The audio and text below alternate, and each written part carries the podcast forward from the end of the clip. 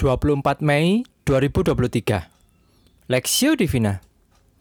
Yeskiel pasal 26 ayat 1 sampai 21 Pada tahun ke-11 dalam bulan yang tertentu pada tanggal 1 bulan itu datanglah firman Tuhan kepadaku.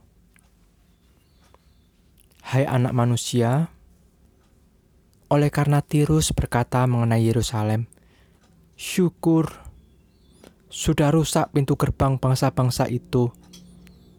Ia akan beralih kepadaku, sehingga aku menjadi penuh, tetapi ia menjadi reruntuhan. Oleh sebab itu, beginilah firman Tuhan Allah. Lihat, aku menjadi lawanmu, hai Tirus. Aku akan menyuruh bangkit banyak bangsa melawan engkau seperti lautan menimbulkan gelombang-gelombangnya. Mereka akan memusnahkan tembok-tembok tirus dan meruntuhkan menara-menaranya.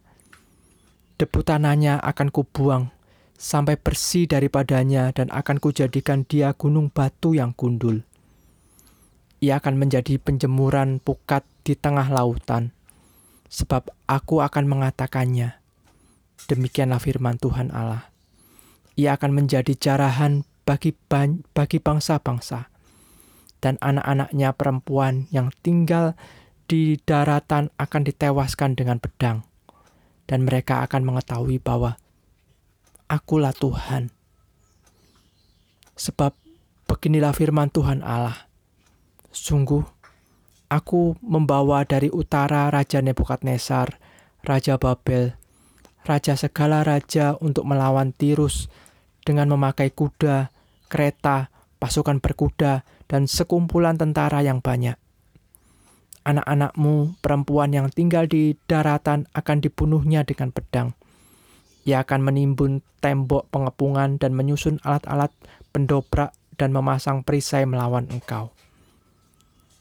Tumbuhkanlah alat pendobraknya akan dilancarkan terhadap tumbukan alat pendobraknya akan dilancarkan terhadap tembok-tembokmu dan menara-menaramu akan dirobohkan dengan beliung-beliungnya. Kudanya adalah begitu banyak sehingga engkau akan ditutupi oleh abu karena derap pasukan berkudanya dan kertak roda keretanya tembok-tembokmu akan gemetar. Kalau ia memasuki pintu-pintu gerbangmu, seperti orang memasuki kota yang sudah terbuka karena pendobrakan. Dengan kaki kudanya, ia akan hendak menginjak-injak semua jalan-jalanmu. Rakyatmu akan dibunuh dengan pedang, dan tuku-tuku yang kau andalkan akan dirobohkan ke tanah. Mereka akan merampas kekayaanmu dan menjarah barang-barang perniagaanmu mereka akan meruntuhkan tembok-tembokmu dan merobohkan rumah-rumahmu yang indah, batumu, kayumu, dan tanahmu yang dibuang ke dalam tanahmu akan dibuang ke dalam air. Aku akan mengakhiri keramaian nyanyianmu, dan suara kecapimu tidak akan kedengaran lagi. Aku akan menjadikan engkau gunung batu yang kundul, dan dengan demikian engkau akan menjadi penjem muran pukat sehingga engkau tidak akan dibangun kembali. Sebab aku, Tuhanlah yang mengatakannya. Demikianlah firman Tuhan Allah. Beginilah firman Tuhan Allah kepada Tirus. Apakah daerah pesisir tidak akan gemetar mendengar derum kejatuhanmu kalau orang-orang yang berbahan mengerang karena pembunuhan bersimah bersimaha raja lela di tengah-tengahmu.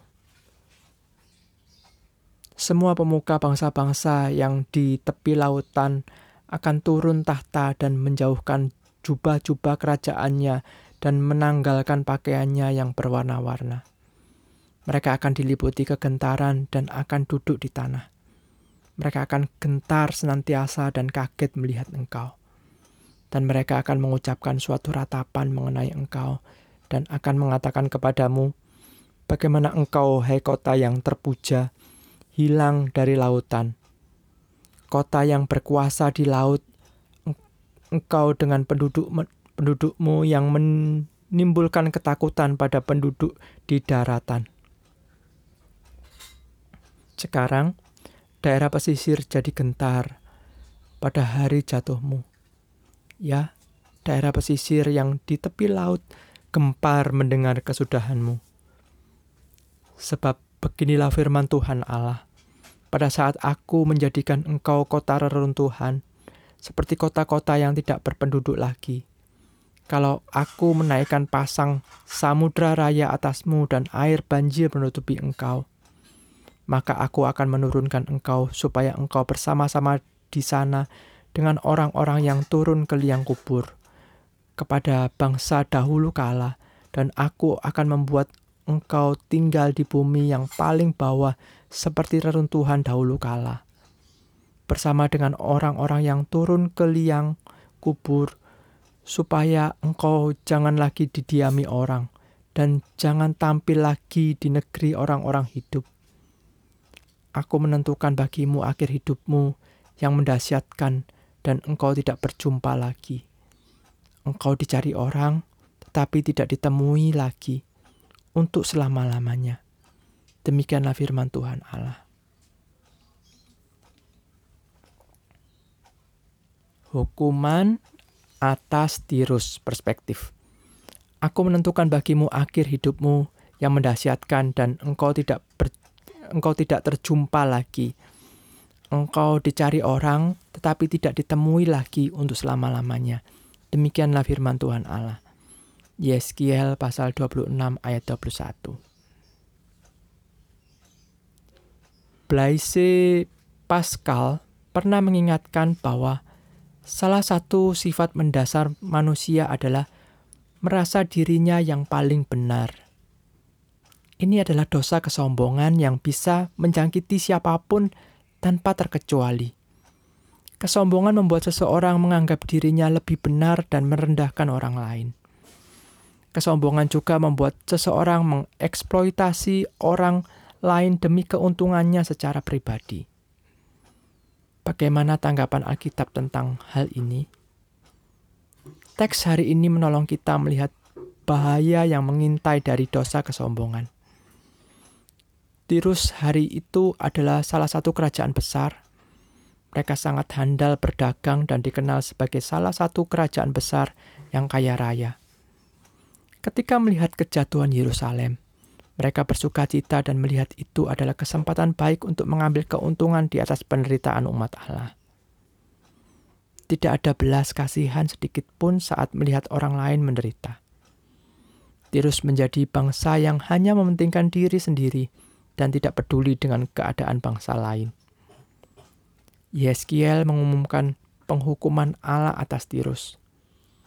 Bagi bangsa Yehuda hari itu, jelas ini adalah berita yang tidak akan pernah mereka duga.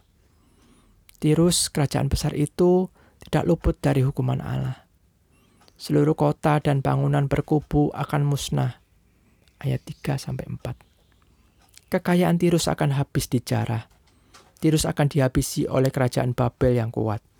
Ayat 7 sampai 12.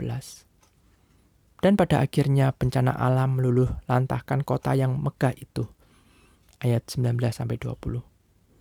Kehancuran Tirus mengingatkan siapa pun manusia tentang betapa mengerikannya dosa kesombongan. Allah sangat menentang orang-orang yang congkak dan memandang rendah orang lain. Kehancuran Tirus merupakan akibat dari dosa mereka. Lebih lanjut, semua yang Allah lakukan mengajarkan tentang kemahakuasaan Allah yang memegang masa depan semua orang dan bangsa di dunia ini. Ayat 21. Oleh sebab itu, biarlah kita belajar dari Tirus dan memohon agar Allah menolong kita tidak menjadi sombong sewaktu kita sukses. Berdoalah agar Roh Kudus menolong kita tetap menjadi pribadi yang rendah hati. Studi pribadi, mengapa Allah menjatuhkan hukuman yang begitu keras kepada bangsa Tirus? Pelajaran apa yang bisa kita petik dari pengalaman bangsa Tirus hari itu? Pokok doa, Berdoalah supaya gereja Tuhan boleh tetap menunjukkan kerendahan hati dan kasih kepada orang-orang lain agar dapat memuliakan nama Tuhan.